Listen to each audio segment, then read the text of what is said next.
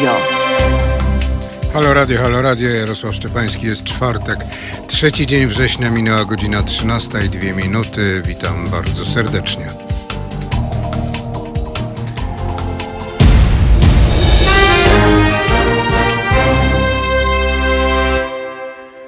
Gościem państw programu, dzisiaj gościem moim w studio jest pan profesor Ireneusz Krzemiński.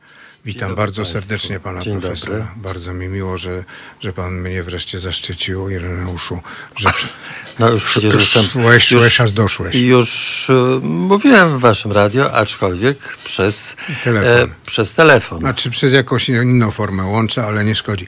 E, Ja chciałem dzisiaj e, troszkę nietypowo, bo e, dzisiaj jest 3 września, jak już zdążyłem nadmienić i podejrzewam, że wszyscy to zauważyli wcześniej. E, Dzisiaj jest 40, dokładnie 40 rocznica podpisania porozumienia Jastrzębskiego, co się odbyło, tylko że to środa była, o 5.45 w cechowni kopalni Manifest Lipcowy w Jastrzębiu Zdroju. Wówczas zawarto porozumienie pomiędzy Międzyzakładowym Komitetem Strajkowym Górników z ponad 30 kopalń, wielu zakładów miasta oraz komisją rządową. Ja wówczas wys- wysyłałem stamtąd z tego manifestu lipcowego korespondencję do Ekspresu Wieczornego. Taka popołudniówka była w Warszawie.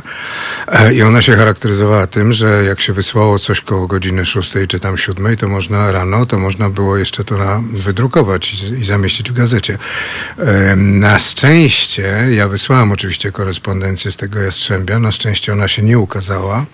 Byłaby pierwszą własną informacją na temat porozumienia Jastrzębskiego w prasie centralnej, ale nie była, ponieważ e, w redakcji nastąpiła ingerencja w tekst korespondencji. E, Napisałem, że strajk się rozpoczął we czwartek, tydzień wcześniej. E, Wersja oficjalna była jednak inna. Strajk się rozpoczął w piątek. Napisałem, że blisko 40 zamarłych kopalń w Warszawie zmieniono na kilkanaście. No i wypadło, ta, to wypadło to wszystko dlatego, że Czyli władza działała chciała, cenzura. Cenzura bardzo działała, władza bardzo chciała to wyciszyć, bo górnicy wtedy wynegocjowali wolne soboty. W przeciwieństwie do porozumień gdańskich i szczecińskiego zawartych y, parę dni wcześniej. E, I to mm, ta informacja poszła za papem. Dla mnie to było bardzo dobrze, bo jakby się taka informacja pokazała z moim podpisem, to by mnie nie wpuścili więcej do manifestu. Ja byłem w manifestie w czasie, w czasie negocjacji, byłem w czasie kilka dni mm, w czasie tej kopalni. Jednym z szefów strajku w manifestie lipcowym w 80 roku był Tadeusz Jedynak. Był on później członkiem lotnej jedenastki, prezydium Krajowej Komisji Porozumiewawczej NSZZ Solidarność, która działała do pierwszego zjazdu. Wybrany był do władz krajowych na zjeździe, internowany od 13 grudnia 81 do Wigilii, czyli 24 grudnia 82, czyli cały pełen okres, kiedy były te internowania. Oczywiście zwolniony z pracy w kopalni, później nie mógł dostać pracy.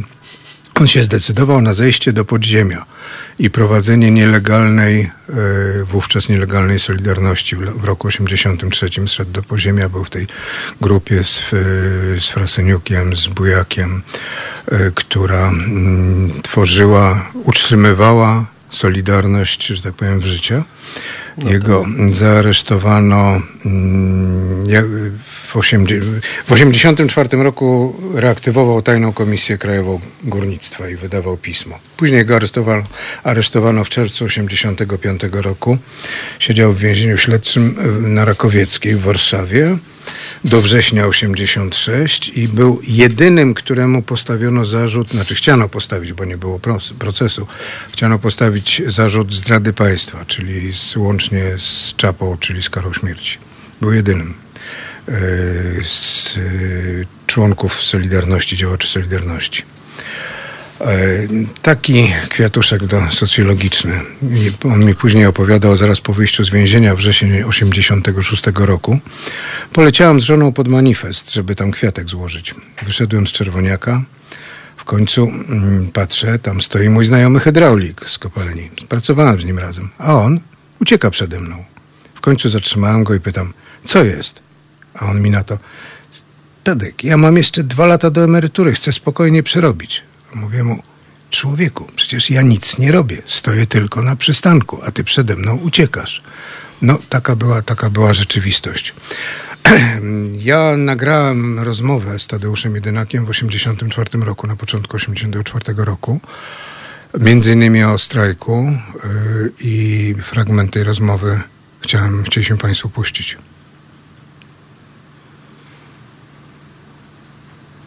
Wiesz, ja już w tym czasie pracowałem w zatrudnieniu. W zasadzie nie, nie bezpośrednio tak nie, nie stykałem się z y, górnikami. Ale myślę, że życie, życie toczyło się normalnie. Ludzie coś słyszeli, coś wiedzieli, plotkowali, ale nikt dokładnie nie wiedział, jak to wygląda. Jest teraz trudno nawet sobie przypomnieć, wiesz, czy były jakieś próby, wiesz, nawet dyskusji, czy podejmowania. Normalnie się fedrowało, normalnie się funkcjonowało.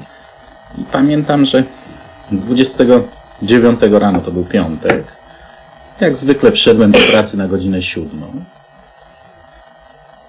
Wszedłem do biurowca, bo się nie przechodzi przez zakład, tylko do biura się wchodzi osobnym wejściem. I nawet nie zwróciłem uwagi na to, że, że coś się dzieje na zakładzie pracy. I w momencie no, na kopalni się pobiera marki. Ja pracowałem w zatrudnieniu, ale byłem zatrudniony na oddziale na powierzchni. I musiałem zdjąć znaczek i w pewnym momencie nie chcą mnie wpuścić na zakład. Widzę flagi powieszone. Pracownicy mnie nie chcą wpuścić z opaskami na ramieniu. Dowiaduję się, że jest strajk. Oczywiście zostałem wpuszczony. Markę pobrałem normalnie tak, jak bym szedł do pracy. Jeszcze wcześniej kierownik mi powiedział zatrudnienia Szyguła, czy Szczeduła, już nie pamiętam jak on się nazywa. Szczeduła, Szczeduła, tak. No, dzisiaj pan nigdzie nie wyjdzie, mówi, będzie pan siedział cały czas w biurze. Jak już dostałem się na teren kopalni, pobrałem markę, zetknąłem się z chłopcami swojego oddziału, to była godzina gdzieś 7.10, 7.15 rano. I dowiedziałem się, że wszystkie oddziały mają szykować postulaty, wszystko co jest związane z źle funkcjonującym na zakładzie pracy prawesnymi problemami i tak i wyznaczyć po jednym przedstawicielu z oddziałów i będzie kontynuowana rozmowa z, minister, z ministrem, tam był Kiczan, pamiętam, z Ministerstwa Górnictwa, yy, dyrektor Zjednoczenia, yy, zdaje się, że był Lejczak, minister górnictwa, no, tam było parę osób. Yy, Ktoś z Komitetu Miejskiego, Wojewódzkiego, komendant, zdaje się, milicji miejskiej z Jastrzębia, no, taka grupa tych ludzi. I nam miały się toczyć te rozmowy, a usilnie namawiano pozostałych, żeby podjęli pracę. I w pewnym momencie ktoś powiedział, a słuchaj Tadek, ty masz dobrą mordę, i to wręczono mi kartkę tam z chyba ze 30-40 postulatów było to tam, że rękawice, pasty BHP nie ma, środków, prawda, no różne problemy, bo to tych problemów jest różnych i z tymi postulatami wszedłem na salę. To była malutka sala yy, konferencyjna, tam się odbywały spotkania. Yy, miało tam swoje spotkania. I na tej salce zauważyłem około stu krzesełek zbitych tak w kupie, prawda, zadymione to pomieszczenie. Taki stół prezydialny, za którym siedziało trzy czy cztery osoby. Do dzisiaj to pamiętam tylko Pałkę Stefana, który właściwie był całym szefem i przewodniczącym, bo on to rozpoczął wieczorem ten cały strajk. Znaczy z, z, z noc, na nocnej zmianie. I po drugiej stronie stołu siedzieli właśnie ci urzędasy. Trudno mi teraz odtworzyć, kto tam był, ale na pewno był mm, dyrektor z Zjednoczenia, Chorak. Na pewno był Kiczan. Zdaje się, że był podsekretarz stanu wtedy właśnie yy, Glanowski. No i jacyś tacy, prawda, yy, nieznane mi osoby. I to była ta komisja niby rządowa, niby resortowa. I siadłem sobie z tyłu, chyba w przedostatnim rzędzie. Pamiętam, że siedziałem z człowiekiem, który też jakby był oddelegowany z elektrociepłowni na zakładzie. I dyskusja między tą grupą, która rozmawiała z tą komisją, to do- dotyczyła zwolnienia czy usunięcia dyrektora Dudy. Nie padały tam żadne polityczne, prawda?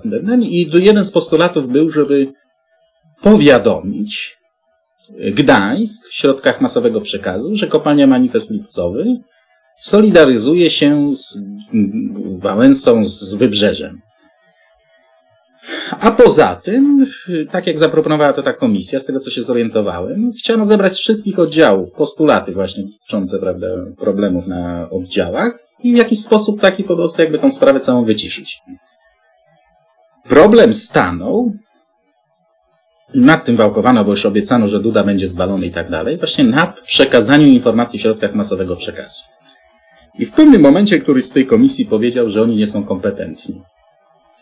No, po prostu wstałem, siedząc na ostatnim siedzeniu, gdzieś około 40 osób było na salce i powiedziałem, panowie, jeżeli jesteście niekompetentni, to co wy tu robicie? I mówię, panowie, nie mamy co tutaj siedzieć, wstajemy i wychodzimy, niech, przy, niech przyślą kompetentnych. I właściwie tak się stało, że wszyscy się podnieśli, zaczęliśmy wychodzić. Zatrzymał mnie w drzwiach czy Glanowski, czy Kiczan, trudno mi powiedzieć, który z tych rządowej komisji, ale mówi, panowie, możemy się dogadać, przecież yy, po co to całe takie zamieszanie? Ale to już w zasadzie nie miało już większego znaczenia, bo w tym momencie na zewnątrz, gdzie stało kilka tysięcy ludzi, usłyszeliśmy wrzaski i taką wrzawę. Co się okazało? Przyszła właśnie wtedy koło godziny ósmej na teren kopalni Manifest Lipcowy delegacja z transparentem z kopalni Borynia, która na tym miała wypisane popieramy górników z manifestu, jesteśmy z wami i tak dalej.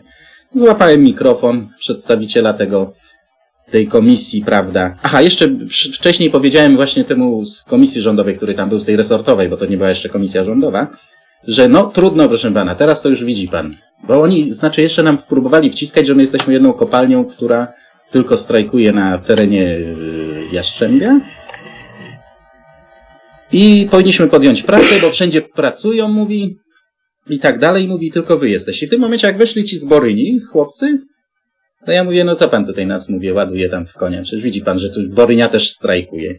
On troszeczkę się zmieszał i ja mu wręcz oświadczyłem. No teraz to już nie jest, yy, za, znaczy komisja strajkowa zakładowa, prawda? Znaczy, tylko zakładowa komisja strajkowa, tylko teraz jest już międzyzakładowa komisja strajkowa. Halo Radio, Halo Radio. Słuchaliście Państwo Tadeusza Jedynaka, nieżyjącego od y, czterech lat jednego z szefów tego strajku w 80 roku, działacza Solidarności, później zresztą bardzo aktywnego e, i posła, i działacza w Jastrzębiu, w Żorach i nie tylko. Panie profesorze, przypomnijmy, 440 tysięcy pracowników w resorcie górnictwa w roku 1980 E, na węglu węgiel to złota, polskie złoto, czarne złoto. Zwłaszcza Gierkowskiej Polsce. Gierkowsce, Pols Gierkowskiej Polsce, no rozmawiamy o 80 roku, czyli jeszcze o ostatnim tygodniu Gierka. E, I wydobycie sięgało wówczas 200 milionów ton i tego było ciągle za mało. W Polsce węgla nie było. Górnik był podporą polskiej gospodarki i ta świadomość im pozostała do dziś. E, Górnikom zależało na tym, żeby się dowiedzieli o strajku w Gdańsku. To się w końcu jakoś udało zrobić, ale chyba jednak w Gdańsku nie wiedziano do końca, że aż tyle zakładów strajkuje i w Jastrzębiu, i w, i w okolicy. E, I to zresztą jedynak później mówił, że, że gdyby Wałęsa wiedział, że aż tylu, to by pewnie jakoś inaczej, jeszcze mocniej tam zadziałał. No to bardzo możliwe, ale ja chcę zacząć od tego, że bardzo się cieszę, że jestem w waszym radiu i... Przypomnę, e... jesteśmy w Halo Radio. E, gościem programu jest profesor Ireneusz Krzemiński. I bardzo się cieszę, że powstają tego rodzaju inicjatywy. Mam nadzieję, że będzie ich więcej. No, ponieważ czasy są takie, że można się spodziewać w najbliższych miesiącach, powiedzmy, zamachu na niezależność mediów w Polsce. Do czego już się podobno ten rząd przymierza, więc im więcej takich inicjatyw i więcej takich ośrodków, tym większa szansa, że jednak uratuje się e, jakąś wolność, również wolność informacji. To, to, ja, to ja teraz panu profesorowi przerwę no i tylko powiem, że my jesteśmy na Facebooku, na YouTubie, na Mixcloudzie, na stronie internetowej naszej, że jesteśmy medium obywatelskim utrzymującym się tylko i wyłącznie z dobrowolnych wpłat naszych słuchaczy. No to już teraz się zapiszę, będę wam dobrowolnie wpłacał co miesiąc jakąś sumę, chociaż jestem profesorem naprawdę Zubożałym jak ubożejącym. Tak. Otóż to jest pierwsza rzecz. Druga rzecz, no to trochę mnie to dziwi, dlatego że w momencie, kiedy mamy już 31 sierpnia, to właściwie w stoczni e, gdańskiej są delegaci właściwie z całej Polski. Ze wszystkich większych zakładów pracy. E, przypominam też, że w Warszawie był strajk solidarnościowy w Hucie Warszawa, e, który no, nawet chyba dyrekcja tej huty e, dała auto, żeby delegacja tego powstającej, te, te, przy- zak- zakładowego wówczas komitetu strajkowego e, pojechała do Gdańska z oficjalną, z oficjalną wiadomością, że oni strajkują za inne zakłady w ramach solidarności z tym gdańskim e, strajkiem. Ale to, co, na co chciałem zwrócić uwagę, to, to było kilka bardzo interesujących rzeczy, które się powtarzały. Mianowicie chciałem zwrócić uwagę jeszcze na te postulaty, o których mówił pan Jedynak, Jeszcze które zaczęto formułować. No, ja zresztą pisałem nawet i mówiłem o takim ruchu postulatów, który zaczął charakteryzować właściwie tę wielką falę wiosenno-letnich strajków w całej Polsce. One się nie kończyły tylko na tym, że dawajcie podwyżki tutaj i już, tutaj uważacie, że tacy jesteśmy ważni, to dawajcie Jastrzębiu podwyżki. było ważne, żeby mydło dali też. Te postulaty dotyczyły bardzo różnych rzeczy. Dotyczyły przede wszystkim tego podstawowego wyposażenia robotników, pracowników, którzy właściwie byli bezradni. E, no, Pamiętam, że zresztą ja też jako pracownik uniwersytetu dostawałem kiedyś, dostałem kiedyś jeden ręcznik. On do tej pory w moim zakładzie funkcjonuje jako taki wspomnienie o przeszłości. Ale to oczywiście było czymś bez porównania. To można jako mm, anegdotę śmiać się z tego, ale w momencie, kiedy ludzie byli brudni po pracy, kiedy nie mogli się umyć, kiedy nie mieli mydła, kiedy nie mieli środków, które czyściły ich brudne ręce, prawda? No to właściwie była zupełnie sytuacja, ale ale dlaczego ten ruch postulatów był taki ważny? Otóż no, napisałem zresztą swoją własną książkę, ale żeby nikt nie mówił, że tylko siebie cytuję, to chciałem przypomnieć o wielkiej edycji takich właśnie zebranych postulatów pani profesor Eli Kaczyńskiej, która też się tym zajmowała. E, I ten ruch postulatów był czymś, co niezwykle przyczyniło się do przekształcenia tych takich strajków lokalnych, później w strajk ogólnopolski, w akcję ogólnopolską i w powstanie no właśnie e, takich postulatów, które prowadziły do niezależnego samorządnego związku zawodowego nazwanego od początku właściwie albo prawie od początku Solidarnością. Dlaczego? Te postulaty słusznie dotyczyły tego, że nie ma mydła do mycia, że nie ma takiej pasty BHP, którą w ogóle można było zmyć czarne od pracy ręce. To nie tylko górników dotyczyło przecież, prawda? Ale one zaczęły dotyczyć, y, jak ci ludzie zaczęli rozmawiać ze sobą, żądać tego lub owego. No dobrze, ale dlaczego tego nie ma? No dlatego nie ma, że po prostu to państwo źle działa, że ta gospodarka jest bezsensowna. Za, zaczynał się robić ruch, który pokazywał, że to, że była pasta, że, były, że można, no nawet ten człowiek mógł sobie dokupić cokolwiek w sklepie, to właściwie potrzeba zmiany systemowej, reform. Z tego ruchu postulatów roc, rusz, ru, ru, rósł, rosły namysł o tym, że w ogóle w tym państwie źle się dzieje, że ono jest źle rządzone, że ono jest rządzone źle, że ta gospodarka ma wady, których nie można przekroczyć, prawda? Rosła ta nowa, zupełnie nowa świadomość obywatelska, w którą ten ruch strajkowy się coraz bardziej przekształcał i właściwie do której dorastał. I w momencie, kiedy powstały niezależne związki, hasło niezależnych związków, obudził się ruch, który był oczywiście ruchem rewindykacyjnym, ruchem, który chciał tutaj przywrócić prac, prawa robotnicze i tak dalej, ale który był jednocześnie od początku ruchem reformatorskim. Ruchem, który, był, który miał w sobie niezwykle ważny element obywatelski. To jest niezwykle ważna sprawa i bardzo się ucieszyłem, kiedy jedynek o tym mówił. Właściwie wszyscy o tym, e, o tym w ogóle nie myślą, prawda? To zresztą miało swoje, no teraz już się odwołam do własnych badań, tych badań, które robiliśmy z moim zespołem kilkuosobowym, e, z doktorem Nowakiem, Bakuniakiem, z Anną Kruczkowską, znaną teraz e, pod zupełnie innym e, nazwiskiem. E, I e, po prostu e, to jest właściwie coś, co dawało, było w trakcie tworzenia tego związku, prawda? Myśmy zaczynali w jesieni 80 roku, kończyliśmy zimą 81 roku to badanie i tam się okazywało, że to właśnie te postulaty robotników, które były racjonalne, uzasadnione, one e, wpędzały dyrektorów przede wszystkim w e, stan zakłopotania. Bo ci dyrektorzy myśleli o tym tłumie, tych derobolach, prawda? W ten sposób myśleli. Tak się okazuje, że ci robotnicy, jak oni przeczytali te postulaty, te postulaty wszystkie się trzymają kupy, one mają sens, one mają rację, prawda? Te dwie dusze, dwie dusze e, dyrektorów, tak zacytowałem roz, rozdział mojej książce o e, tworzeniu się ruchu Solidarności. To jest następna kwestia. Ale to, od czego właściwie najpierw myślałem, że zacznę, to jest właśnie o Tadeuszu Jedynaku na przykład, jako jednym z takich wielkich bohaterów tamtego ruchu. Niedawno umarł e, Henryk Wujec. E, No mogę powiedzieć, że byłem z nim zaprzyjaźniony. Do tej pory, jak o tym teraz mówię, to łza mi się kręci wokół, bo to wielka strata. Jeden z takich ludzi szczerze zaangażowanych, ludzi, który był no, właściwie wszędzie.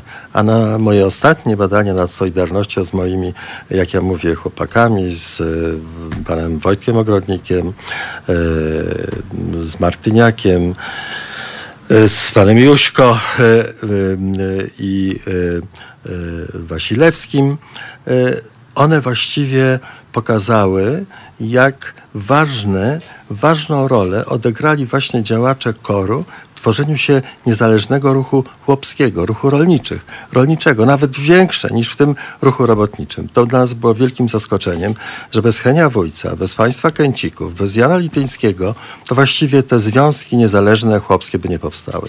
A więc tych bohaterów nie ma w ogóle. Nie ma w naszej pamięci. Znaczy, w mojej pamięci oni są. Pamięci pana redaktora oni są. Podejrzewam, że wśród tych starszych słuchaczy oni też istnieją.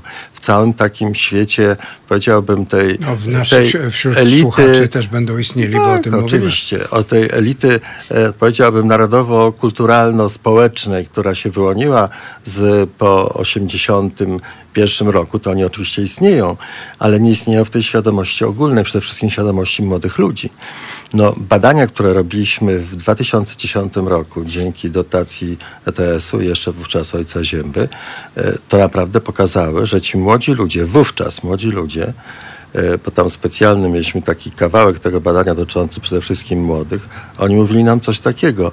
No wiecie, my się dowiadujemy o tej solidarności wtedy, kiedy są spotkania rodzinne, albo oczywiście rodzice mają zawsze grupę przyjaciół, oni przychodzą i jak oni zaczynają kłócić o to, co było w tym 80 albo 80 latach, to my się wtedy dopiero dowiadujemy, bo nikt nam tego bezpośrednio nie opowiada. A w tej chwili mamy skoncentrowaną, kłamliwą, podłą, bezczelną politykę e, Kaczyńskiego, który w ogóle zakłamuje rzeczywistość stuprocentowo, jak wiadomo. Szkoła w ogóle nie przekazuje wiadomości o historii najnowszej, o Solidarności, która dla tych młodych ludzi jest w ogóle jakimś przeszłością, tak jak dla mnie był tam jakiś 18 rok, czy tam No, 30, 40 lat No temu. Właśnie, prawda? E, Szkoła tego nie przekazuje, nie ma obowiązku nawet mówienia, ale w świadomości potocznej nie ma takich bohaterów, którym powinien być jedyna, którym powinien być Henio Wujec, powinni być inni ludzie, z których część już od nas odeszła. To jest wielka strata. E, No i myślę, że jest ostatni moment, żebyśmy próbowali ją jakoś, e, tę stratę, no, zmniejszyć. Przypomnę, że słuchacie Państwo Holoradia. Gościem programu jest pan profesor Ireneusz Krzemiński. Przekażę od naszego słuchacza, pana Johna Smitha, profesorze, szacunek za to, jak zgasił pan profesora Parucha. Przekazuję. Dziękuję bardzo. Nie pamiętam. Słuchają nasi słuchacze. Przypomnę, że rozmawiamy, y, rozmawiamy o strajkach, o strajku z 80 roku, o strajkach. 3, 3 września było podpisanie porozumienia Jastrzębskiego, trzeciego z wielkich porozumień. Tam była kwestia tego rodzaju, że mm, to było podpisane porozumienie w środę nad ranem, natomiast e, strajk się zaczął we czwartek. W niedzielę było podpisanie porozumienia gdańskiego 31 sierpnia. Tak. E, górnicy nie mieli wiedzy o tym, znaczy mieli to z telewizora, że podpisano porozumienie, ale nie mieli wiedzy, czy ktoś od nich dojechał, bo pierwsza grupa, która jechała z informacją, że strajk jest na Śląsku, została zatrzymana. Została No zatrzymana tak, i dopiero druga grupa dojechała. Tam jeszcze ja opowiem króciuteńką ciekawostkę. Oni żądali e, między innymi podania informacji o strajku w telewizji, publicz- e, w telewizji. E, I i to podano. W dzienniku telewizyjnym, bodajże w sobotę, 30 sierpnia, to podano. Tylko oni mnie potem pytali, czy ja słyszałem w, telewi- w dzienniku e, o, o strajku. Ja mówię, że nie. No, myśmy słyszeli. Ja to później po latach sprawdziłem i to było zrobione w ten sposób, że na, y, w rejonie Śląska ta informacja się ukazała w dzienniku telewizyjnym. W tym czasie szedł na pozostałych, w całej Polsce, szedł, szedł filmik o tam jeziora, żeg- żagle, jakieś takie, że- taki, taki filmik, a tylko to poszło na, y, na, Województwo Ślą- na województwo śląskie. tak. Tak, no są Posłuchajmy jeszcze. Tadeusza Jedynaka. Ja tutaj nie mogę teraz wrócić do spraw, postulatów i tak dalej. Wiem, że masę spraw poruszano na, na, na, w czasie tych rozmów. Eksploatację, yy, właśnie wszystko w zasadzie to, co było później generalne umieszczone w tym, w tym w zbiorczym tym yy, porozumieniu. Ale ludzie poruszali różne sprawy. Różne. Jesteśmy na antenie ponownie. Mówimy o y, strajku 80 roku. Gościem programu jest profesor Ireneusz Szymiński. To było rzeczywiście pokojowe. Na w Jastrzębiu rozmowy się odbywały na cechowni e, kopalni Manifest Lipcowy, dzisiaj Zofiówka. Mm, Problem tam to troszeczkę wyglądało tak, że tam każdy z tych siedzących górników mógł się e, wtrącić do rozmowy. E, Zresztą w końcówce negocjacji mm, to się też odbyło w ten sposób, że stali rządowe, rządowa, siedziała rządowa delegacja przodem do górników w jakimś momencie. Natomiast w czasie negocjacji przodem do, nich, do górników siedzieli górnicy, a ci siedzieli tyłem. Czyli to było. Górnicy sami wymyślili socjotechniczne zagranie proste. W pewnym momencie się Aleksander Kopeć, wicepremier, takim dramatycznym gestem zwrócił, wstał i zwrócił się, zapytał: A czy jak będziecie mieli wolne soboty, to pójdziecie do pracy? No tak, pójdziemy do pracy. No i wtedy te soboty właśnie klep, zostały klepnięte. To nawet nie wiedziałem, że to właśnie dzięki strajkowi w Jastrzębiu Zdroju w ogóle te e, wolne soboty uzyskaliśmy. No tak, bo to była przecież... e, Edukacyjna rola Halo Radia. Dziękuję bardzo. Ale właśnie chciałbym wrócić jeszcze do tego znaczenia e, ruchu postulatów, e, dlatego że wydaje mi się, że z niego właśnie wyrastało później to wielkie myślenie o konieczności reformy. E, Ruch się rodził jako ruch tworzenia z- organizacji związkowych. Najpierw startowali najodważniej, najodważniejsi. Z większych zakładów, z takich, którzy byli bardziej, jak powiedzieć, oblatani również na przykład w prasie podziemnej, później z mniejszych zakładów. Y, Mogłem to obserwować y, jako jeden z pracowników, takie były dwa biura w Warszawie, w warszawskim Kiku na ulicy Chorzej na matematyce, które pomagały ludziom założyć y, związki, ponieważ stawiano wszelkie możliwe opory, żeby te związki nie Ale mogły to już powstać. później po porozumieniach. A po, po porozumieniach, kiedy już mamy, tak, tak. zwłaszcza kiedy mamy już zarejestrowaną e, Solidarność, no wcześniej był związek nasz e, Warszawa Ma- Mazowiecki, prawda, Mazowsze, ale e, to było niezwykle ważne i ta fala się rozlewała coraz dalsze, coraz bardziej inteligenckie, coraz mniejsze, a więc bardziej zagrożone zakłady, przedsiębiorstwa. No, to było coś wspaniałego.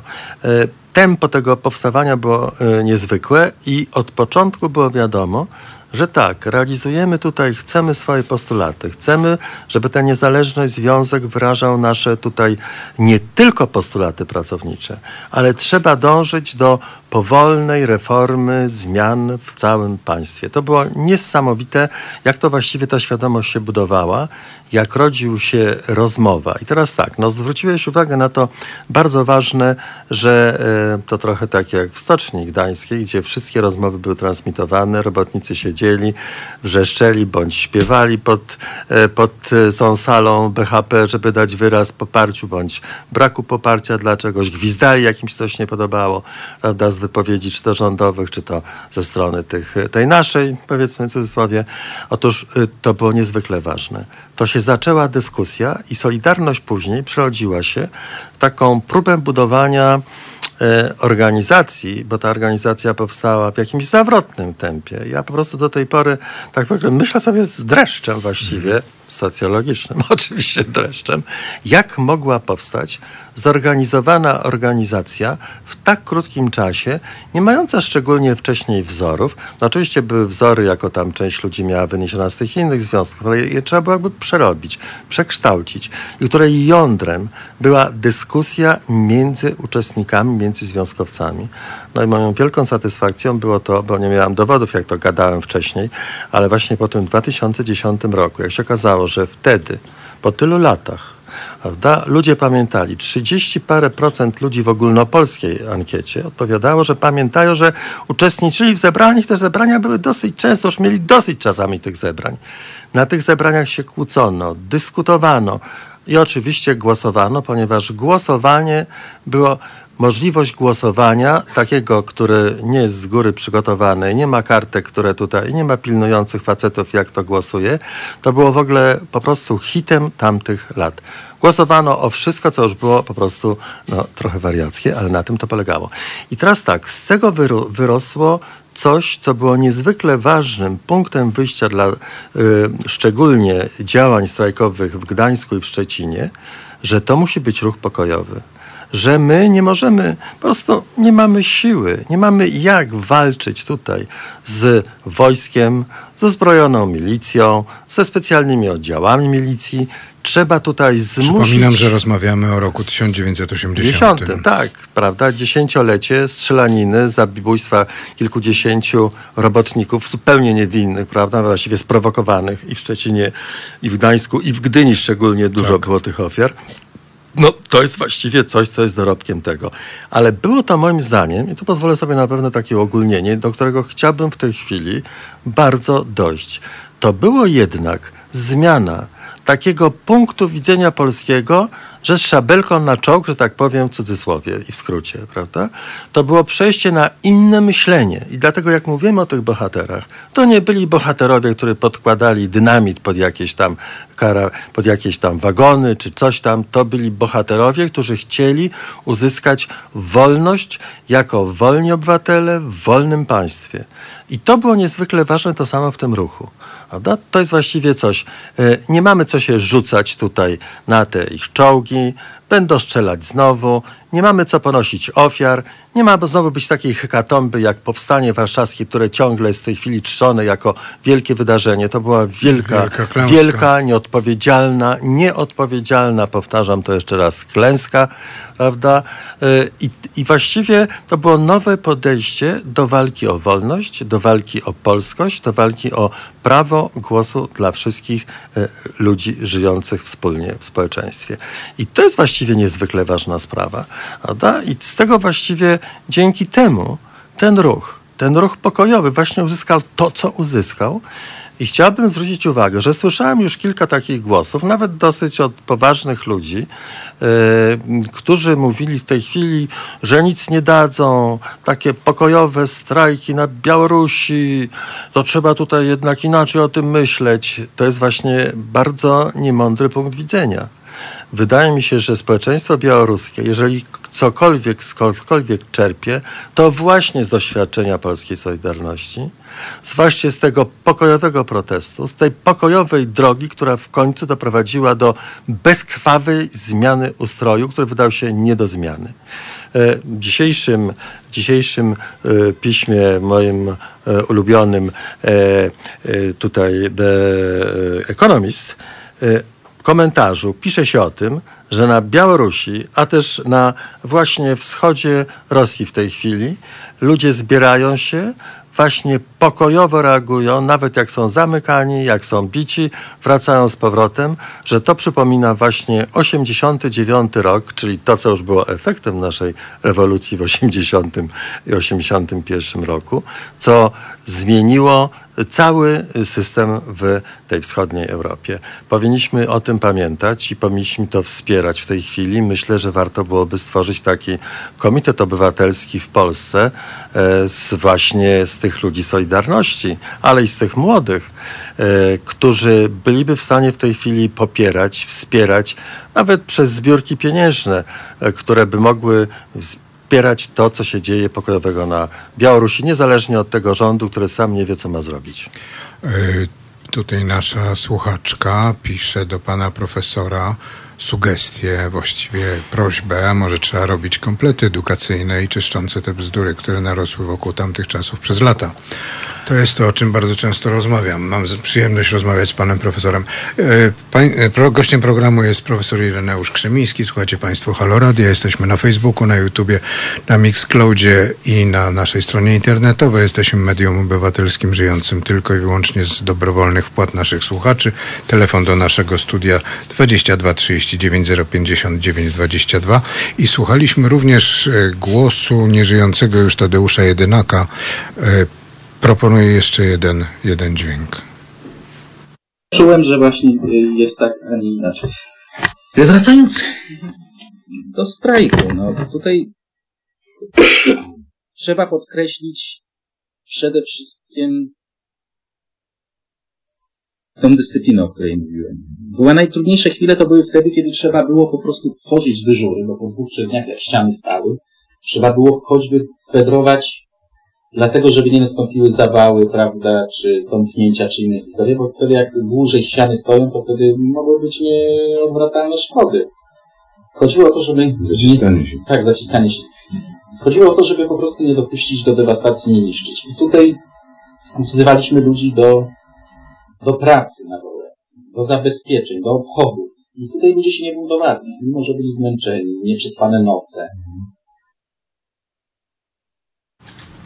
Halo Radio, Halo Radio. Gościem Państwa jest Ireneusz Krzemiński. Słuchaliśmy głosu Tadeusza Jedynaka, nieżyjącego jednego z przywódców strajku w manifestie lipcowym w roku 1980. E, tam jest bardzo istotną rzeczą było to, że mm, dbano o złoże. Zresztą postulatem strajkowym była y, większa dbałość o, zło, o złoże, ponieważ górnicy doskonale wiedzieli, że jak te 200 milionów ton wydobywano, to wśród tych 200 milionów ton było ileś kamienia, a węgiel był niszczony i zostawał zmarnowany w złożu. To górnicy wiedzieli, chcieli z tym skończyć i, i takie były ich postulaty.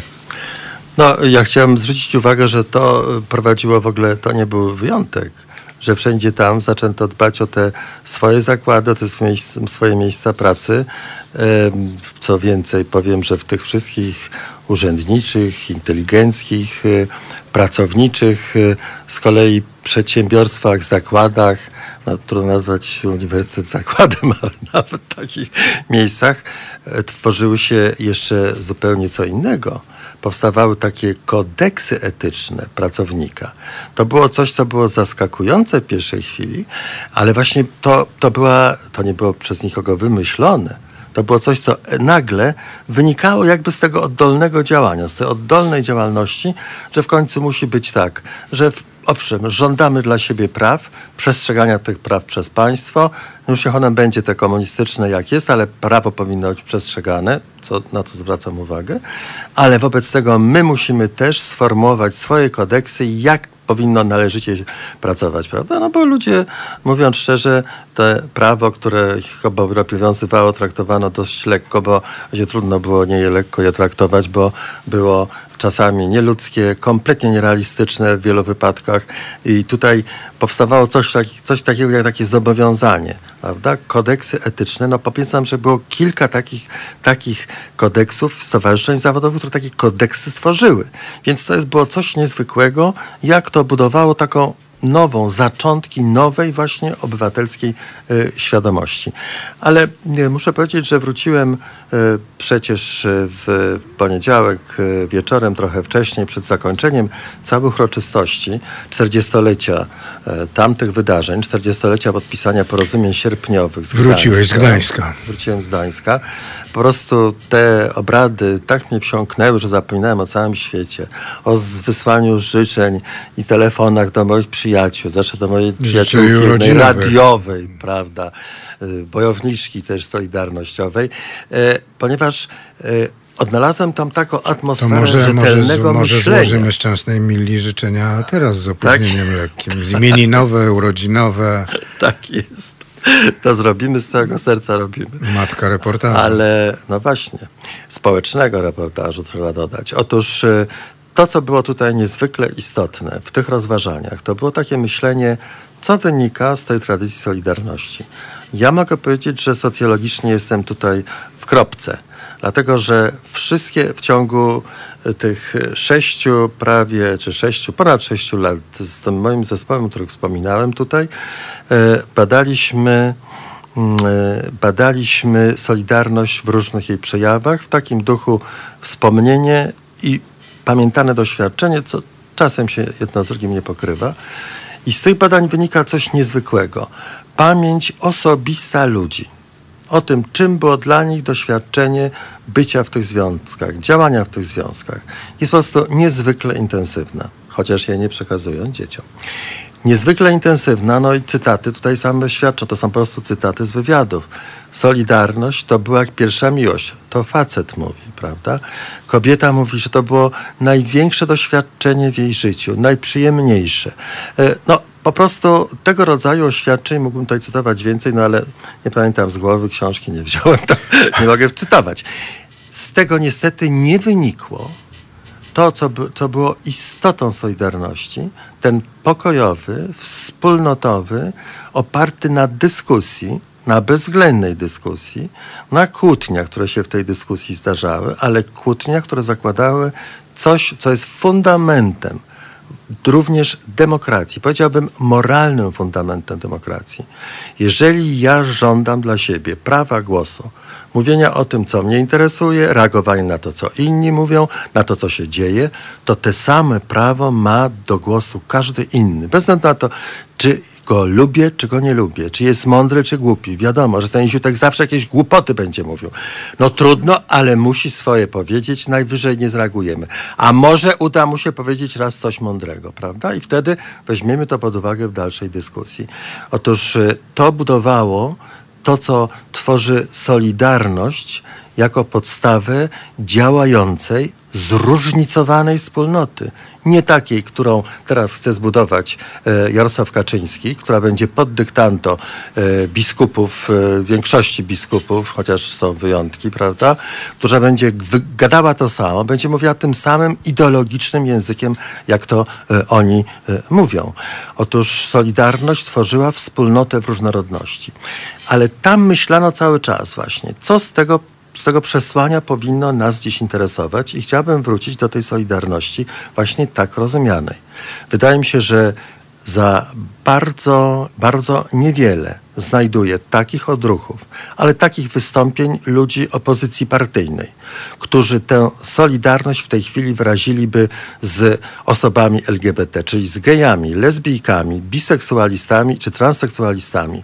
To, co ostatnio powiedział, po prostu ten łobuz, niedouczony łobuz, który pełni funkcję Rzecznika praw rzecznika dziecka. praw dziecka, to chcę zwrócić uwagę, że on jeszcze w sposób dramatyczny dotyka ludzi, którzy moim zdaniem są bardzo trudni do zrozumienia dla właściwej większości y, ludzi, bez względu na to, czy oni są geje, czy hetero, czy jacyś. Dla nich wszystkich to jest bardzo trudne do zrozumienia. Bo wyobrazić sobie, że oto ja jestem tutaj, jestem, czuję siebie, czuję to, co mówię, ale nienawidzę swojego ciała. Czy sobie Państwo potraficie to wyobrazić? Nie to idzie z wielkim trudem. A ci ludzie przeżywają tego rodzaju tragedie. Dlatego są w stanie ponieść niezwykłe konsekwencje, dlatego, żeby tę sytuację zmienić. A traktuje się to jak jakieś dziwactwo, jakieś tabletki na zmianę płci. Przecież po prostu ten facet powinien wylecieć z tego stanowiska w ciągu pięciu minut. To jest w ogóle rodzaj głupoty, która jest jednocześnie połączona z bezdusznością do maksymalnego stopnia. I mnie tej solidarności w tej chwili, tego ducha solidarności zabrakło. Pan Trzaskowski powołuje nowy ruch, który nazywa Nową Solidarnością. No tutaj bym się zgodził z Frasynikiem, który powiedział dzi- wczoraj bardzo mądre rzeczy e, w, u Oni- Moniki Olejnik, że Solidarność jest jedna. Albo jesteśmy solidarni, albo nie jesteśmy solidarni. I Solidarność tworzyła pewien zespół wartości, między innymi to, o czym mówiłem przed chwilą, który nie da się niczym zastąpić. On jest taki sam. No, aktorzy mogą być inni, obiekty, że tak powiem, społeczne mogą być inne, ale ta solidarność musi być taka sama. Trzaskowski w końcu swojego, swojej kampanii, bardzo dobrze przeze mnie oceniany, jednak nie powiedział ani słowa, że musimy wspierać osoby LGBT, czyli gejów, lesbijki, transseksualistów przede wszystkim, prawda? E, Tak jak to powiedział wczoraj Frasyniuk, co chciałem powiedzieć. Jeżeli biją Żydów, my jesteśmy wszyscy Żydami. Mówimy, my jesteśmy Żydami, nie damy bić tamtych. Jeżeli jesteśmy, jeżeli biją gejów, lesbijki, wszyscy jesteśmy gejami, lesbijkami. I chciałbym to Państwu przekazać pod namysł i zastanowienie się bardzo głębokie. Gościem programu jest pan profesor Ireneusz Krzemiński. Pani Agata napisała, tylko wy możecie zacząć opowiadać o tym, jak było naprawdę. Tylko wy jesteście wiarygodni. To rozumiem, że to jest o naszym radio. Gdy pod Sejmem odbywały się protesty w obronie wolnych sądów, wychodzili do młodych ludzi senatorowie i opowiadali, jak było.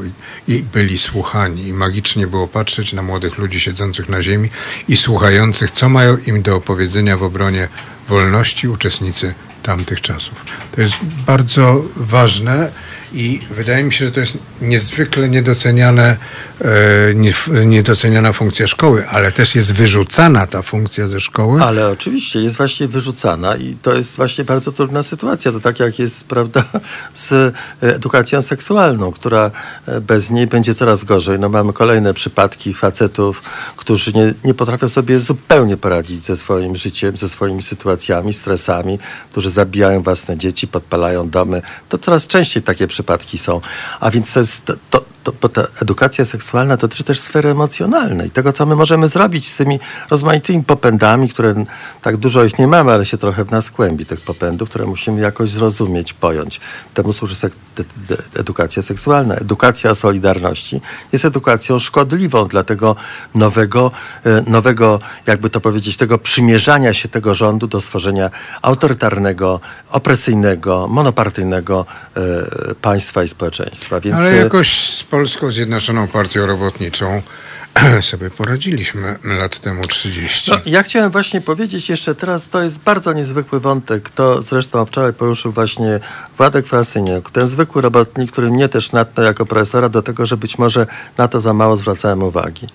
Dlaczego było możliwe tak pokojowe przejście i dlaczego wbrew temu, co teraz wymyślają ci y, nowi, y, ci nowi politycy i ci pseudohistorycy z IPN-u na przykład, że tutaj ciągle rządzi jakaś komuna, prawda, i że ona tworzy to jakieś nie wiadomo co tutaj. Ale to ta komuna to To- jest w PiSie. No ta komuna jest, no tak, ale to się mówi tak o tej komunie. Otóż to jest nonsens, bo właśnie ten pokojowy ruch, to pokojowe przejście z systemu do systemu, to, że nie zabijano i nie wieszano nikogo na lampach, na latarniach, jak to się mówiło, że właśnie nie było krwawej rozprawy z tymi, którym się naprawdę też należało e, nieco kary dodać, e, to później tak jakoś ci, którzy naprawdę na to zasługiwali, jakoś tę karę odbywali mniejszą lub większą, że dzięki temu ci ludzie przeszli wielką zmianę.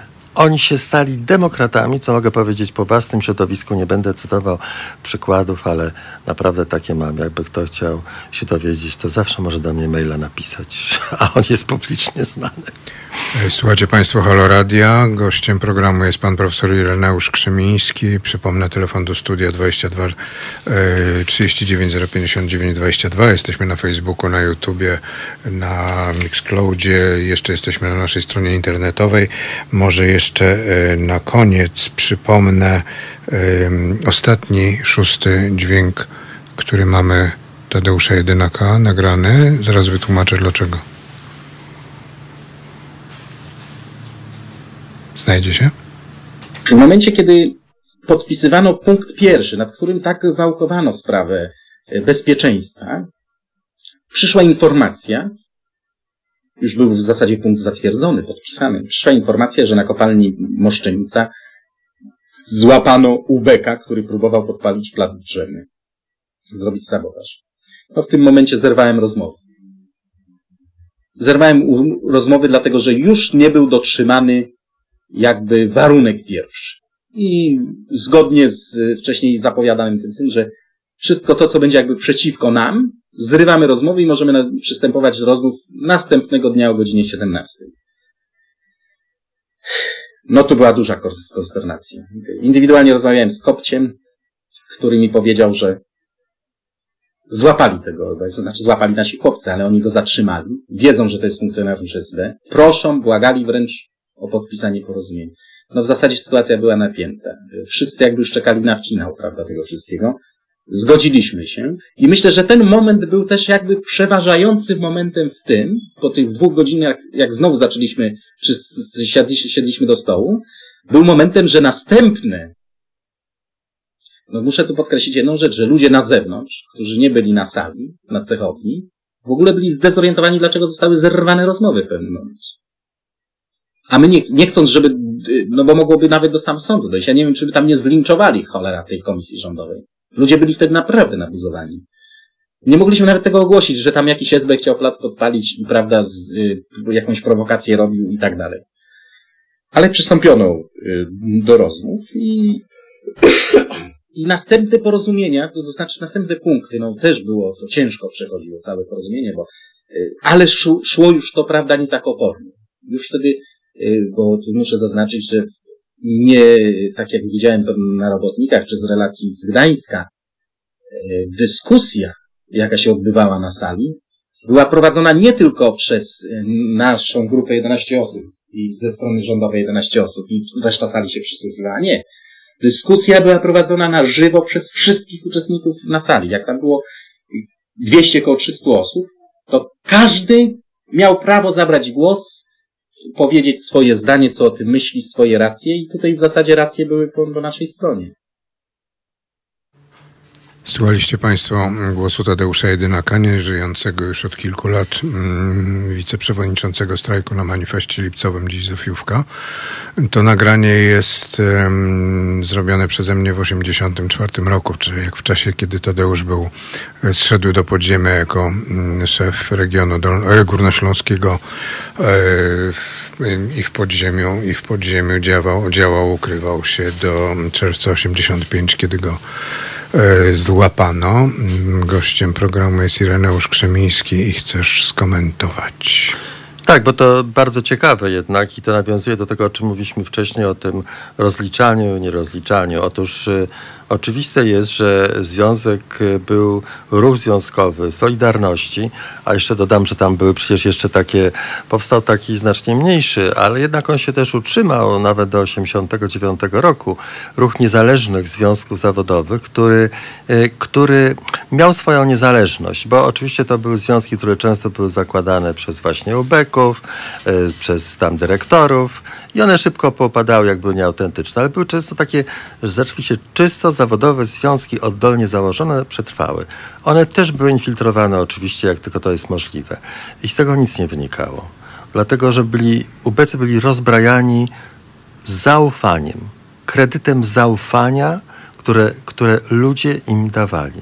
W związku z tym oni, nawet jak mówili to wbrew sobie, to musieli mówić pewne rzeczy, musieli się godzić na pewne decyzje e, i cała ta e, właśnie antysolidarnościowa akcja e, grupy dawnych działaczy z Andrzejem Gwiazdą, prawda, z nieżyjącą panią Anią, była Walentynowicz. tak, myślę, mówię o Annie Walentynowicz oczywiście.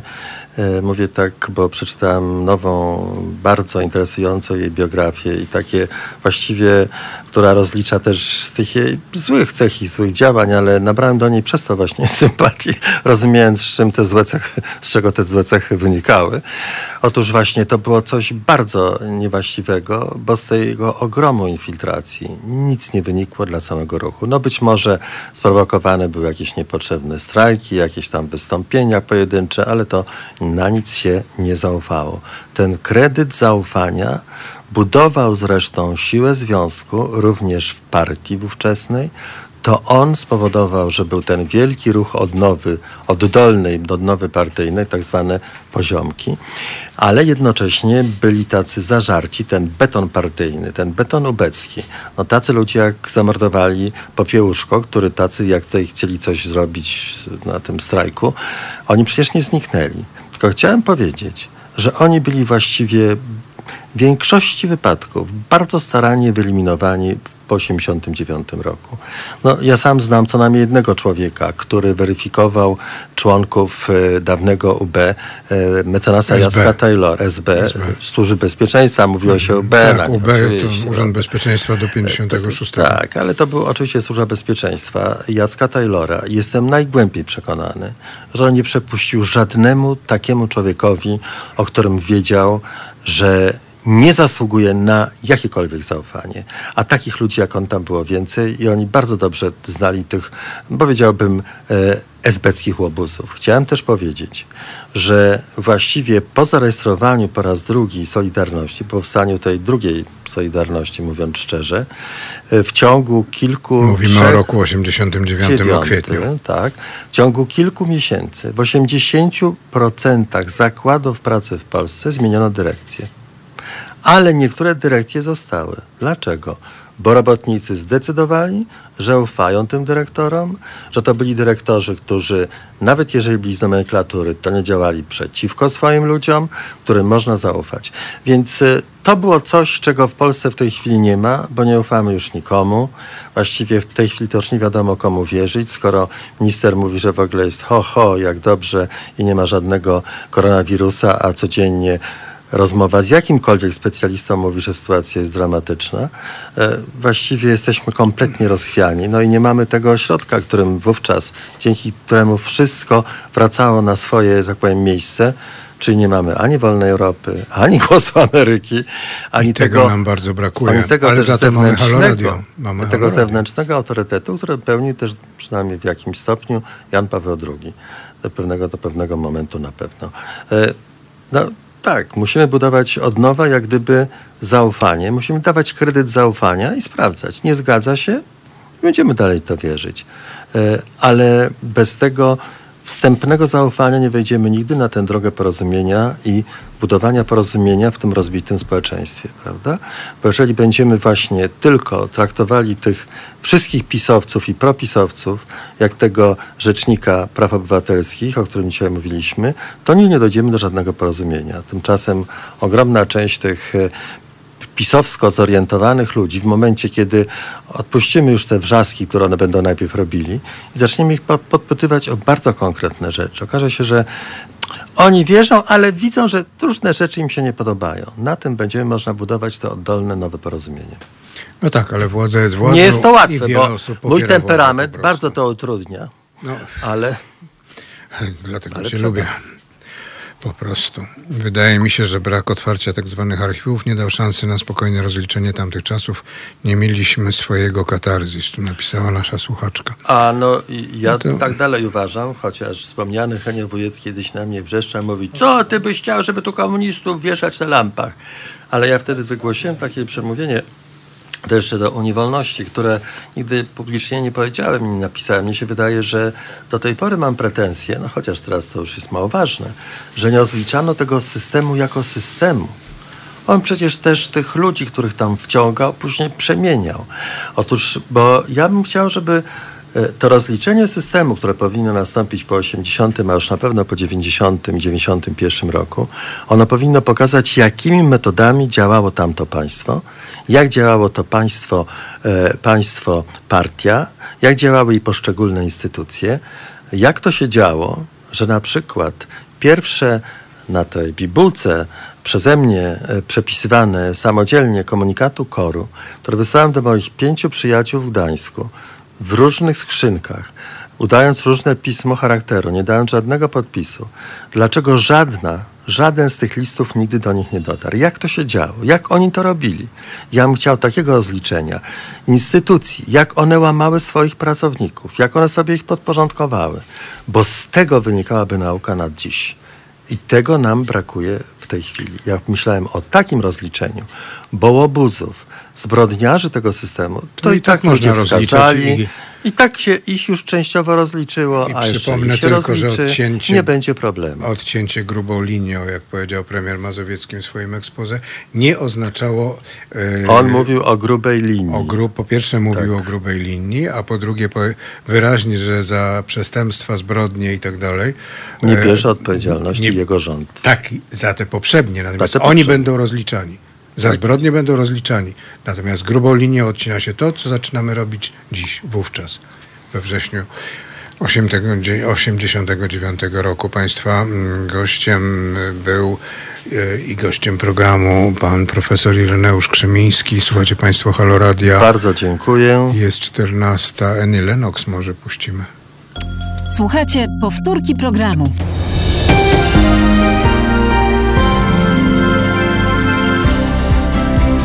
Halo Radio. Pierwsze radio z wizją.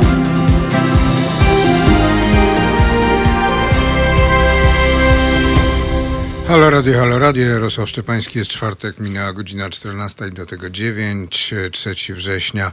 Gościem programu jest pan Bogdan Wyżnikiewicz, były prezes Głównego Urzędu Statystycznego. E, Bardzo witam pana. Mm, I, Dzień dobry, dzień dobry. e, I będziemy oczywiście rozmawiać o danych statystycznych, które podał GUS i które strasznie pana e, zdenerwowały. A właściwie bardziej jeszcze pan, pański wpis na Facebooku zdenerwował różnych e, wpisowiczów, którzy zaczęli dogadywać i komentować. Y, nie tyle mnie dane denerwowały, co ich interpretacja. No oczywiście, no, dane są zazwyczaj, miejmy nadzieję, że one są takie, jakie powinny być. Tak, tak, no tutaj y, tu jest wiele elementów. Y, Najbardziej mnie zdenerwowało popełnienie elementarnego błędu w sztuce statystycznej, tak ogólnorodnie powiem, przy konstrukcji wykresu, który miał ilustrować sytuację. Otóż y, w, Gazecie Wyborczej na pierwszej stronie dwa dni temu y, pojawił się taki wykres w kształcie litery M, można powiedzieć, gdzie y, niezorientowany czytelnik mógłby odnieść wrażenie, że to, co się wydarzyło w Polsce w drugim kwartale, cofnęło nas do lat y, 90. To jest oczywiście e, nieprawdą. E, Ja sobie zrobiłem mm, takie obliczenie i e, Tu z tego M to wychodzi, bo mam przed sobą ten wykres, wychodzi, że to tak gdzieś do 91 roku. No właśnie, to, to fachowiec od razu wie o co chodzi. Teraz skąd się wziął ten, to, takie wrażenie i ten błąd? Wykres pokazywał tempo wzrostu, które jak zwykle sobie faluje, prawda? Nazwano go dynamika PKB w Polsce od czasu transformacji No to jest takie nieprecyzyjne, bo Bardzo. Mhm. tempo wzrostu to jest y, zmiana procentowa, natomiast dynamika w standardzie to jest jak jest wzrost o 1%, to dynamika wynosi 101. Prawda? Tak jest we wszystkich publikacjach gusowskich i jak jest przyjęte. No ale to, to jest właściwie drobiazg. To, to jest nieistotne. Istotne jest to, że tam jest zestawiony, zestawione to roczne tempo z kwartalnym tempem wzrostu. Prawda? Co Znaczy, jest, jeśli roczne jest cztery razy kwartalne, to teoretycznie można by zestawić, ale tam wyszło na to, że to je, jeden kwartał równa się jeden rok. no tak wyszło, tak, tak. I to w ogóle kwartał wyjątkowy. Nie, nie mieliśmy tego kwartału. I e, po prostu e, no jest to wprowadzanie ludzi w błąd, najdelikatniej mówiąc. Dlatego, że tak jak tutaj obydwaj powiedzieliśmy, można odnieść wrażenie, że polska gospodarka cofnęła się do lat 90. E, Ja zrobiłem takie obliczenie, właściwie takie, takie drobne ćwiczenie statystyczne, mianowicie na szeregu wyrównanym sezonowo, na szeregu produktu krajowego brutto wyrównanym sezonowo, właściwie na tempach jego wzrostu, zobaczyłem, jak się daleko cofnęliśmy. I okazało się, że cofnęliśmy się do przełomu roku 2017 i 2018, jeśli chodzi o wielkość produktu krajowego brutto. To e, wynika z tego, że wzrost gospodarczy pnie się e, bardzo pracowicie i powoli, a tutaj było du- duże obsunięcie się tego wzrostu. Oczywiście kolejnych kwartałach już tak źle nie będzie. To był kwartał wyjątkowy, No chyba, pamiętamy. że, chyba, że będziemy mieli jakieś, wprawdzie pan minister zdrowia mm, mówi, że nie będzie żadnych lockdownów, a chyba, że jednak coś się zmieni. Yy, No tak, bo w jakiś sposób przyzwyczailiśmy się do życia yy, w tej pandemii. Prawda? To, to już nie, nie jest tak jak na początku, że wszyscy się bardzo bali, już opracowano różne procedury, ludzie uważają. E, i, i jakoś to wszystko się kręci. Co prawda to opóźnia wyjście z tego nieszczęścia, ale, ale gospodarka no, musi się kręcić, ludzie powinni zarabiać pieniądze. Y, Tutaj, mm, y, więc tak to wygląda z tym produktem krajowym brutto, dochodem narodowym, jak mówiąc w uproszczeniu. E, Ale też warto dodać, że w Polsce to było e, nie, nie tak najgorzej. Prawda? W innych krajach, e, zwłaszcza na południu Europy, w Hiszpanii, we Włoszech, w Grecji, to te spadki były znacznie większe. E, Również w Niemczech. No my jesteśmy tam gdzieś tuż za podium, czy przy podium, jeśli chodzi o e, najmniejszy spadek. E, tam prowadzi Litwa z trzema procentami. No. Więc e, tutaj nie ma dramatu. Wynika to mm, z kilku przyczyn. Jedną przyczyną jest to, że w Polsce sektor usług nie wytwarza tyle produktu krajowego brutto, co w krajach bardziej rozwiniętych od Polski.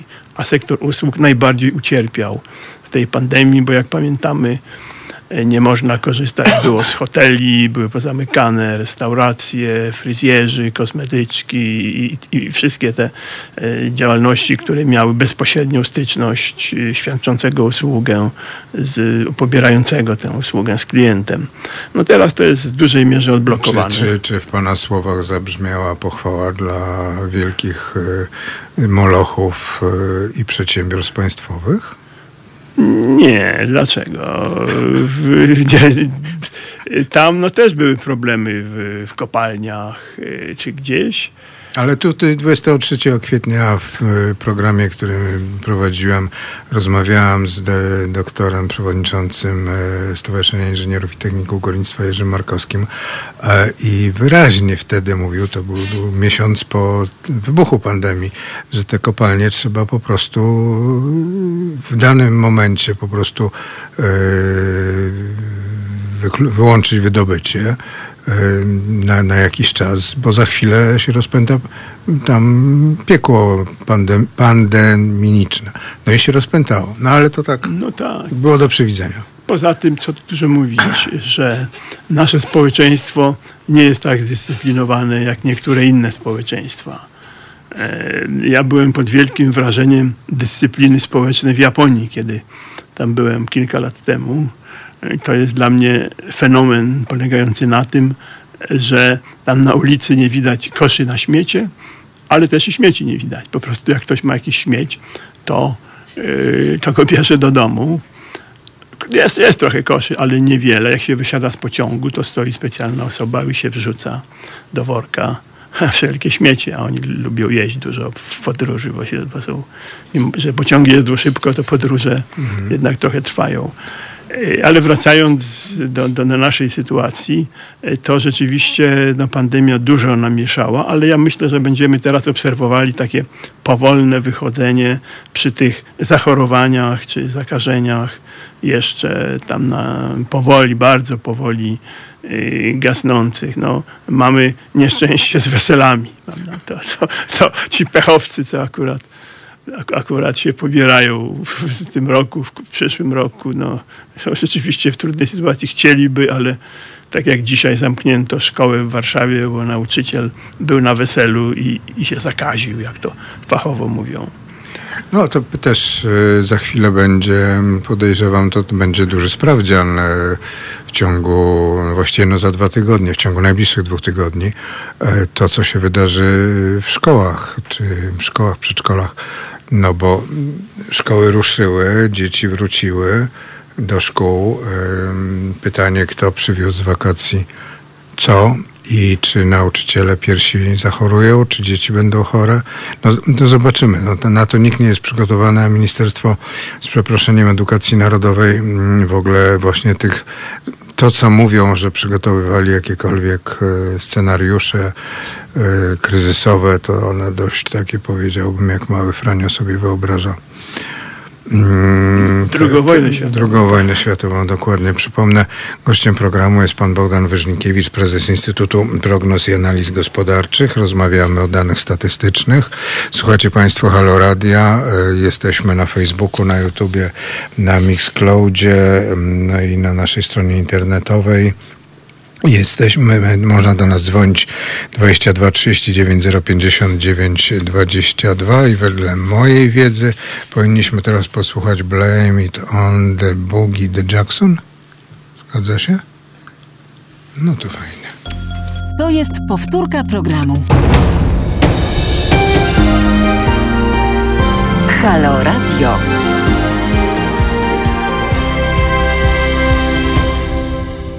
Halo Radio, Halo Radio, jest czwartek, 3 września, jest godzina 14.23.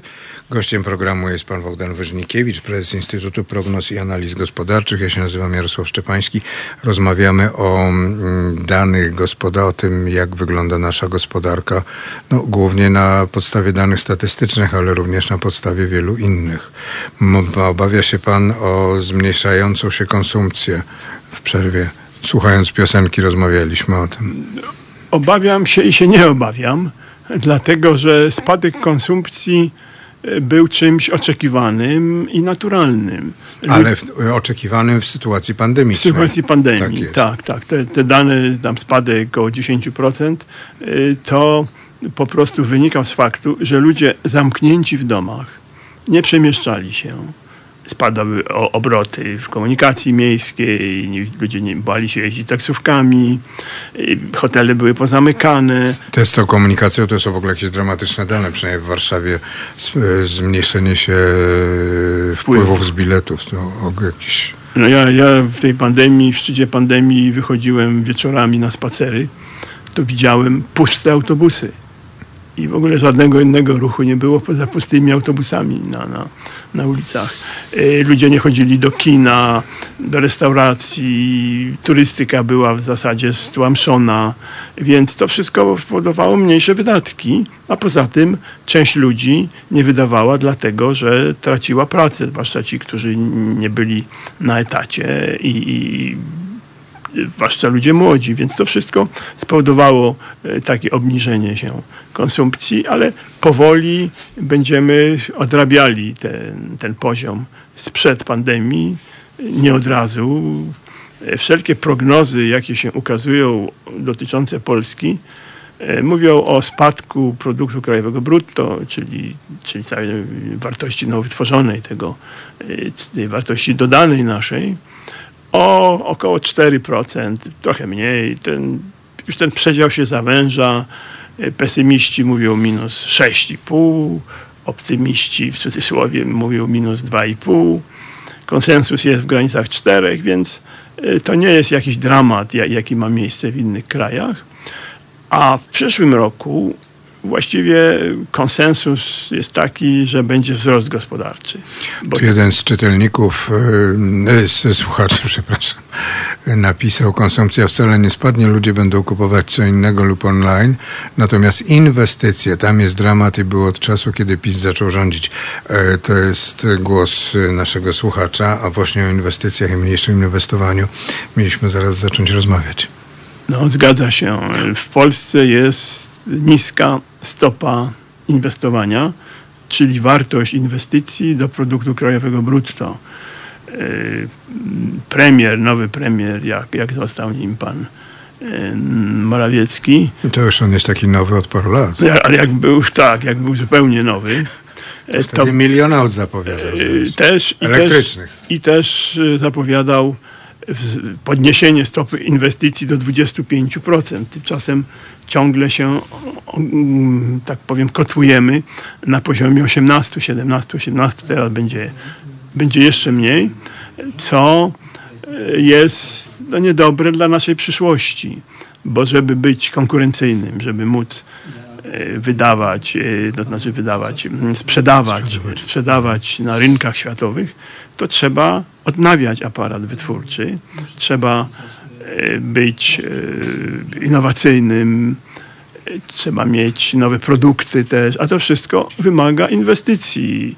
E, Też e, trzeba inwestować w najnowsze technologie, które rozwijają się w sposób niebywały, prawda, w historii. Nie, nie mieliśmy takich. Ale na świecie nie zawsze u nas.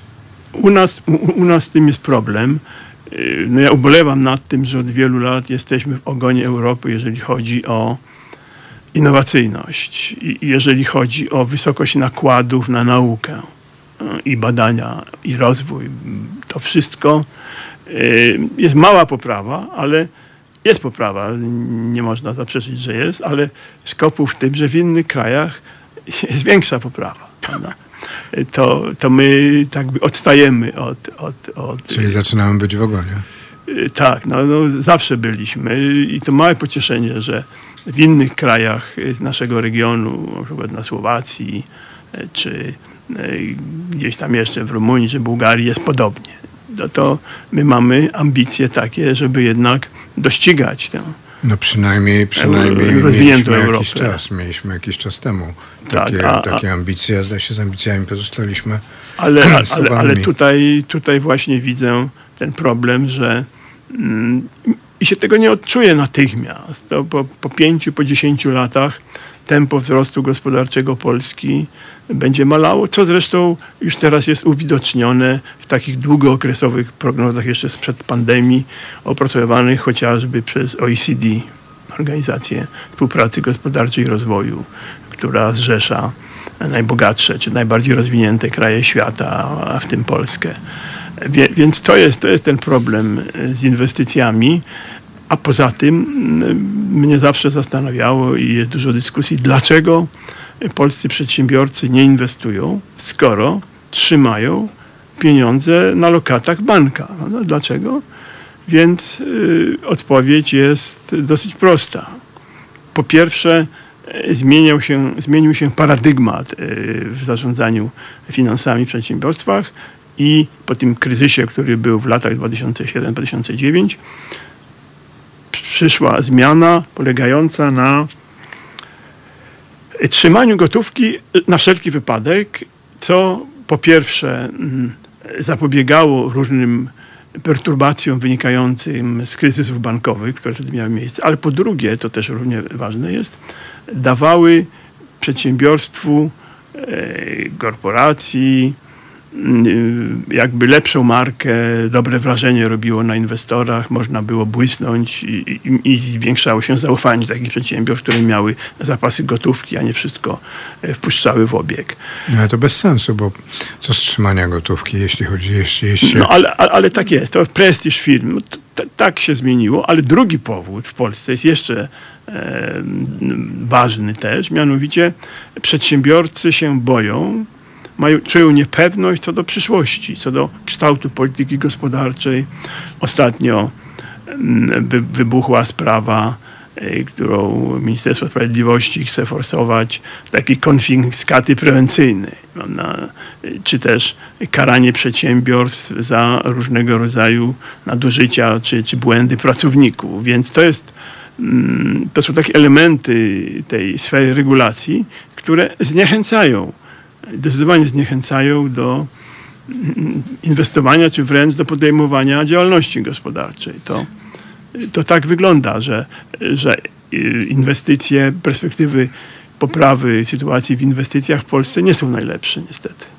No dobrze, ale czy to jest tylko mm, efekt ostatnich pięciu lat, to znaczy rządów PiSu i braku zaufania przedsiębiorców do mm, stabilności sytuacji prawnej i gospodarczej, czy, czy jeszcze po prostu lęk przed przyszłością? to już nie, nie tylko 5 lat, no to trwa znacznie dłużej. To właściwie z małymi wyjątkami od początku tego stulecia jest taka sytuacja. Mieliśmy nawet lata takie, w których y, wartość inwestycji była z roku na rok coraz mniejsza. I, I potem trzeba było dwóch kolejnych lat, żeby odrobić te straty. Więc to jest, jak y, sądzę, niezauważalne natychmiast, ale po kilku latach to będzie ważny czynnik y, prowadzący do obniżenia tempa wzrostu y, gospodarki. No i to po prostu po, powoduje no, pogorszenie stanu gospodarki i stanu no, naszych kieszeni, bo No, w rozmawiamy... przyszłości spowoduje, tak. No tak, tak. tak, tak. Mhm. Teraz jeszcze to się jakoś trzyma. No tutaj y, zawsze jednak trzeba liczyć na mm, jakąś część przedsiębiorców, którzy y, no, lubią ryzyko, którzy sobie z tym radzą, ale, ale jak się popatrzy na dane w skali makro, to jest, nie, to będzie niedobrze. Poza tym w Polsce jest taki, mm, nie wiem czy tak zwyczaj, nie zwyczaj, ale tak się ukształtowało, że lubimy wyciągać mm, na światło dzienne jakieś sukcesy. Prawda? Jakiś tam przedsiębiorca coś sprzedał pierwszy tam y, zrobił dużo szumu na świecie.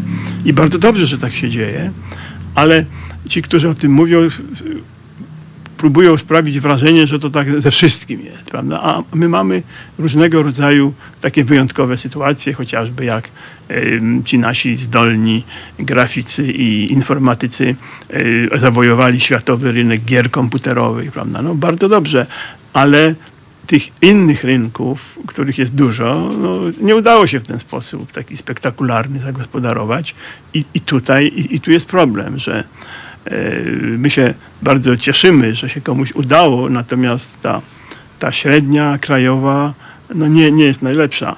Jeszcze też e, chcę powiedzieć, że od wielu lat jestem w kapitule Dziennika Rzeczpospolita, e, który nie tylko sporządza listę największych przedsiębiorstw, tam 500, 500, i, i, 500.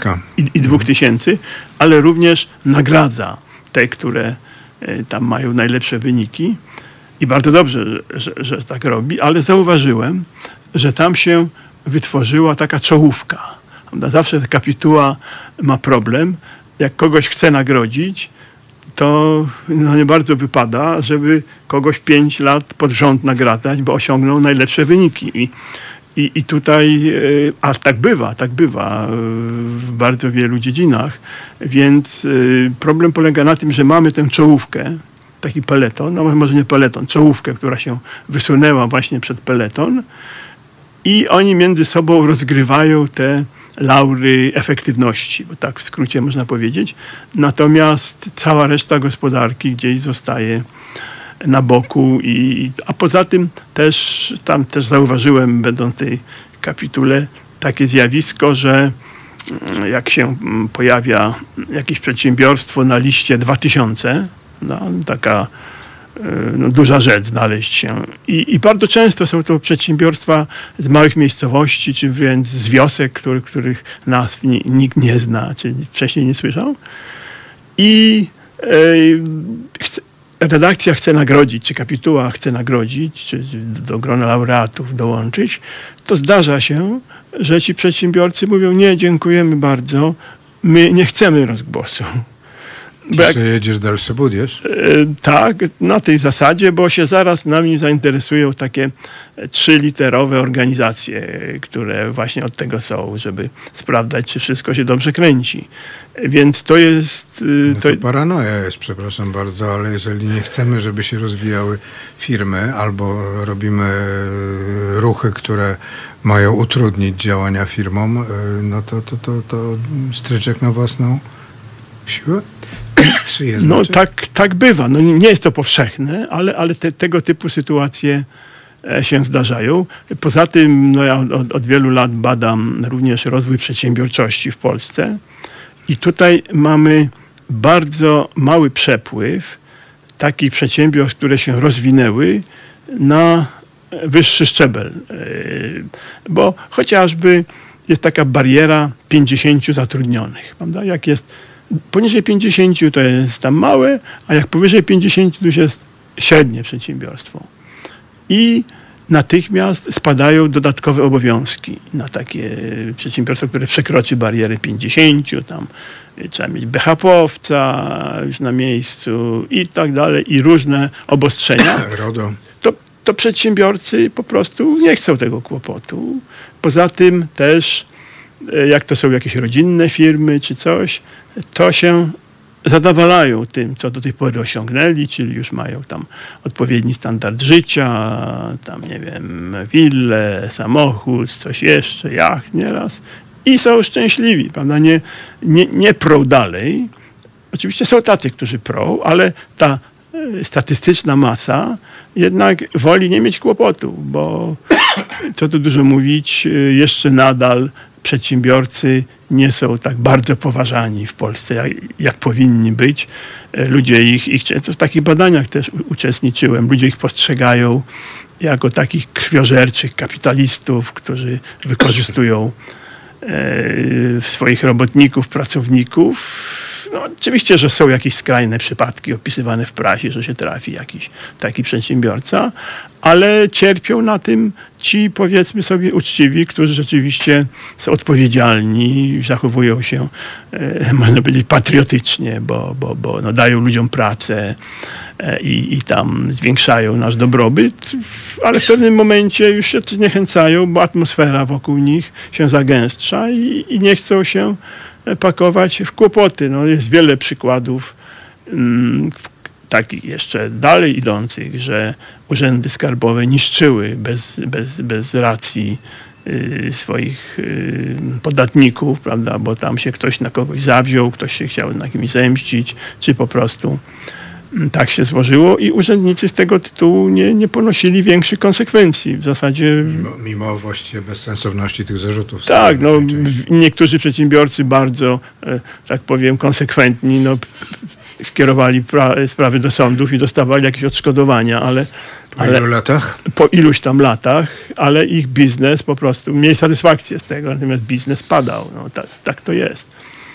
No dobrze, mówi się o tym, że nominalny spadek inwestycji w, tym, e, w sektorze e, dużych firm e, jeszcze jest większy, bo wyniósł ponad 13, prawie 14%. T- Czyli czy te duże też nie inwestują i nie, Ja tak, wie pan, ja może dam przykład y, spółek Skarbu Państwa, które są w indeksie WIG20, bo to jest taki czyli tym giełdowym. tym giełdowym. E, Pamiętam, to było jakieś 2-3 lata temu. Y, Rzeczpospolita stwierdziła, że poza jedną, to chyba był Lotos, wszystkie inne przestały nagle inwestować, czy, czy też ich, ich inwestycje się obniżyły. No Orlen zainwestuje w Lotos. Tak. I, i ja- jak to wytłumaczyć, że, że takie po prostu w tych y, spółkach była tak duża karuzela personalna. Prezesi przychodzili nie wiem, kilka miesięcy, pół roku, tam z różnych powodów byli odwoływani, przychodzili nowi. I zachowywali się nie jak przedsiębiorcy, tylko bardziej jak urzędnicy skierowani na, na front walki. No bo zdaje się, że głównie byli urzędnikami. I, ale skutkiem tego była niechęć do podejmowania jakichś większych decyzji strategicznych, do właśnie inwestowania. A in- inwestycje no to są jakby narzędziem realizacji jakiejś przyjętej strategii. Po prostu mieli zbyt mało czasu i pewnie zbyt mało odwagi, żeby zacząć inwestować. I no to jest po prostu zjawisko niezdrowe, żeby te największe spółki, publiczne spółki, te, w które inwestują ludzie pieniądze swoje, żeby mm, Kupić akcje. no, kupując akcje, tak, tak, że, żeby zarobić na tych akcjach, tam jest taka niechęć do inwestowania. No to się potem trochę zmieniało, ale jak popatrzymy na y, po, y, poziom, czy też na, na ceny akcji tych malochów państwowych y, w WIG-20, to, to mamy to, co mamy. No, nie, nie, nie ma Głównie są spadające. spektakularnych wzrostów, w niektórych przypadkach są spektakularne spadki. No tak, ale jeżeli mamy inwestycje typu, przepraszam bardzo, Centralny Port Komunikacyjny, czy, czy yy, przekop Mierzei Wiślanej, czy stępka, yy, słynna stępka w y, Stoczni Gryfia, yy, w Świnoujściu, no to przecież takie inwestycje to jest bezsens, no. Od początku wiadomo. No, właściwie to, to trudno niektóre z tych inwestycji tak racjonalnie uzasadnić. Już prostu. nie mówię o elektrociepłow- o elektrowni Ostrołęka i w, w utopieniu miliarda złotych w dwie wieże, które mm, po zbudowaniu się okazuje, że będzie to jednak inna elektrownia, inaczej opalana. No, zdarzają się błędne decyzje inwestycyjne mm, i, i no, co z tym można zrobić? No, tylko u, u, ubolewać, że, że do takich sytuacji dochodzi, bo też e, wraca jakby w niektórych e, przedsięwzięciach gospodarczych e, taka gigantomania. No, myśmy tych lotnisk w Polsce wybudowali całe mnóstwo, które, które nie są wykorzystywane odpowiednio. No, tu przykład, nie, nie trzeba, przykładów nie trzeba szukać daleko od Warszawy. Popatrzmy na, na Modlin y, czy na Radom. Tak, no w Modlinie jest konflikt na tle politycznym między y, tam y, samorządem a, a, a wojewodą i, i jeszcze kimś. Wojewoda jest państwowy, czyli pisowski, samorząd nie jest pisowski i tak, dalej, i tak. I, i, i- i takie, takie sytuacje właściwie nie powinny mieć miejsca. No jak mamy już jakieś przedsięwzięcie, w które wpakowano odpowiednio pieniędzy i, i się sprawdza, tak jak lotnisko w Modlinie, to, to jednak trzeba e, to przedsięwzięcie rozwijać, bo, bo to służy wszystkim. Pan y, tutaj napisał pytanie, czy jest odpowiedzialność za nieudane decyzje inwestycyjne. No, zazwyczaj to zależy w państwowych przedsiębiorstwach, którymi zarządza prezes Kaczyński. Jest odpowiedzialność taka, że albo się odwoła prezesa, albo się nie odwoła. A w biznesie normalnym, no albo się dobrze zainwestuje i będzie się miał sukces, albo się źle zainwestuje i będzie się nie miało sukcesu. E, No zgadzam się. Ja to prawda słaby jestem w regulacjach prawnych i, i nie wiem e, w jaki sposób się tych mm, nieudanych e, przedsiębiorców rozlicza, ale myślę, że rzeczywiście to się bardzo często rozchodzi po kościach, bo nie zawsze wiadomo, kto był promotorem e, tak, Pomysłu. pomysłu. Tak, tak, tak. A muszę No, powiedzieć, promotorem, c- promotorem Czajki był nieżyjący już prezydent Warszawy Lech Kaczyński. Y, No tak, y, jeszcze pamiętam A podobnie. Czajka to taka oczyszczalnia ścieków, do której nie można teraz do, doprowadzić ścieków z lewobrzeżnej Warszawy, bo ona jest na prawym brzegu i to był błąd. Ja myślę, że mm, ten przykład, ale jeszcze jest drugi, gorszy przykład. Y, Pewnie wszyscy pamiętają, że kilka lat temu był problem z tunelem y, koło, na Wisłostradzie koło rzeki, prawda, tam, tam gdzie metro budowano też, y, bo okazuje się, że decydent, którym wówczas był pełniący obowiązki prezydenta pan Marcinkiewicz, nie słuchał ekspertów, żeby tam y, nie robić tam jakichś rzeczy, bo, y, bo tutaj są ruchome piaski pod, tam gdzieś pod dnem, w okolicach dna, no i będzie nieszczęście. No i, i było, więc y, ja myślę, że to jest w ogóle problem szerszy, że rządzący nie lubią słuchać rad ekspertów. No to widać przy pandemii również, bo mówią sami o tym, czy jest pandemia, czy jej nie ma, czy spada, czy, czy nie spada, a eksperci mówią zupełnie co innego. Gościem programu był pan Bogdan Wyżnikiewicz. Mm, Chciałem tylko mm, jeszcze powiedzieć, że, e, przepraszam, dlaczego jedni są bogaci, a inni nie. To jest tytuł książki, która wychodzi lada moment od pańskiego autorstwa. I chciałem również zaprosić na jutro na godzinę mm, 13, no, ponieważ będę prowadził program zamiast Marka Czyża E, i gościem programu będzie pani Aleksandra Fandrejewska, a również chcę zapowiedzieć program sobotni, kiedy to będzie pierwsza audycja Halo For, mm, w której będziemy rozmawiać z ekspertami e, z Forum Obywatelskiego Rozwoju. To o godzinie 11. Jeszcze jedna zapowiedź na dziś na godzinę 17. Pierwsza audycja Andrzeja Krajewskiego z Towarzystwa Dziennikarskiego, którego ja też jestem członkiem. em, Będzie miał trzech gości. Tylko nie wiem w jakiej kolejności Jana Ordyńskiego, Jana Dworaka i Stanisława Jędrzejewskiego i na pewno będzie rozmowa dotyczyła mediów. Dziękuję bardzo, do usłyszenia.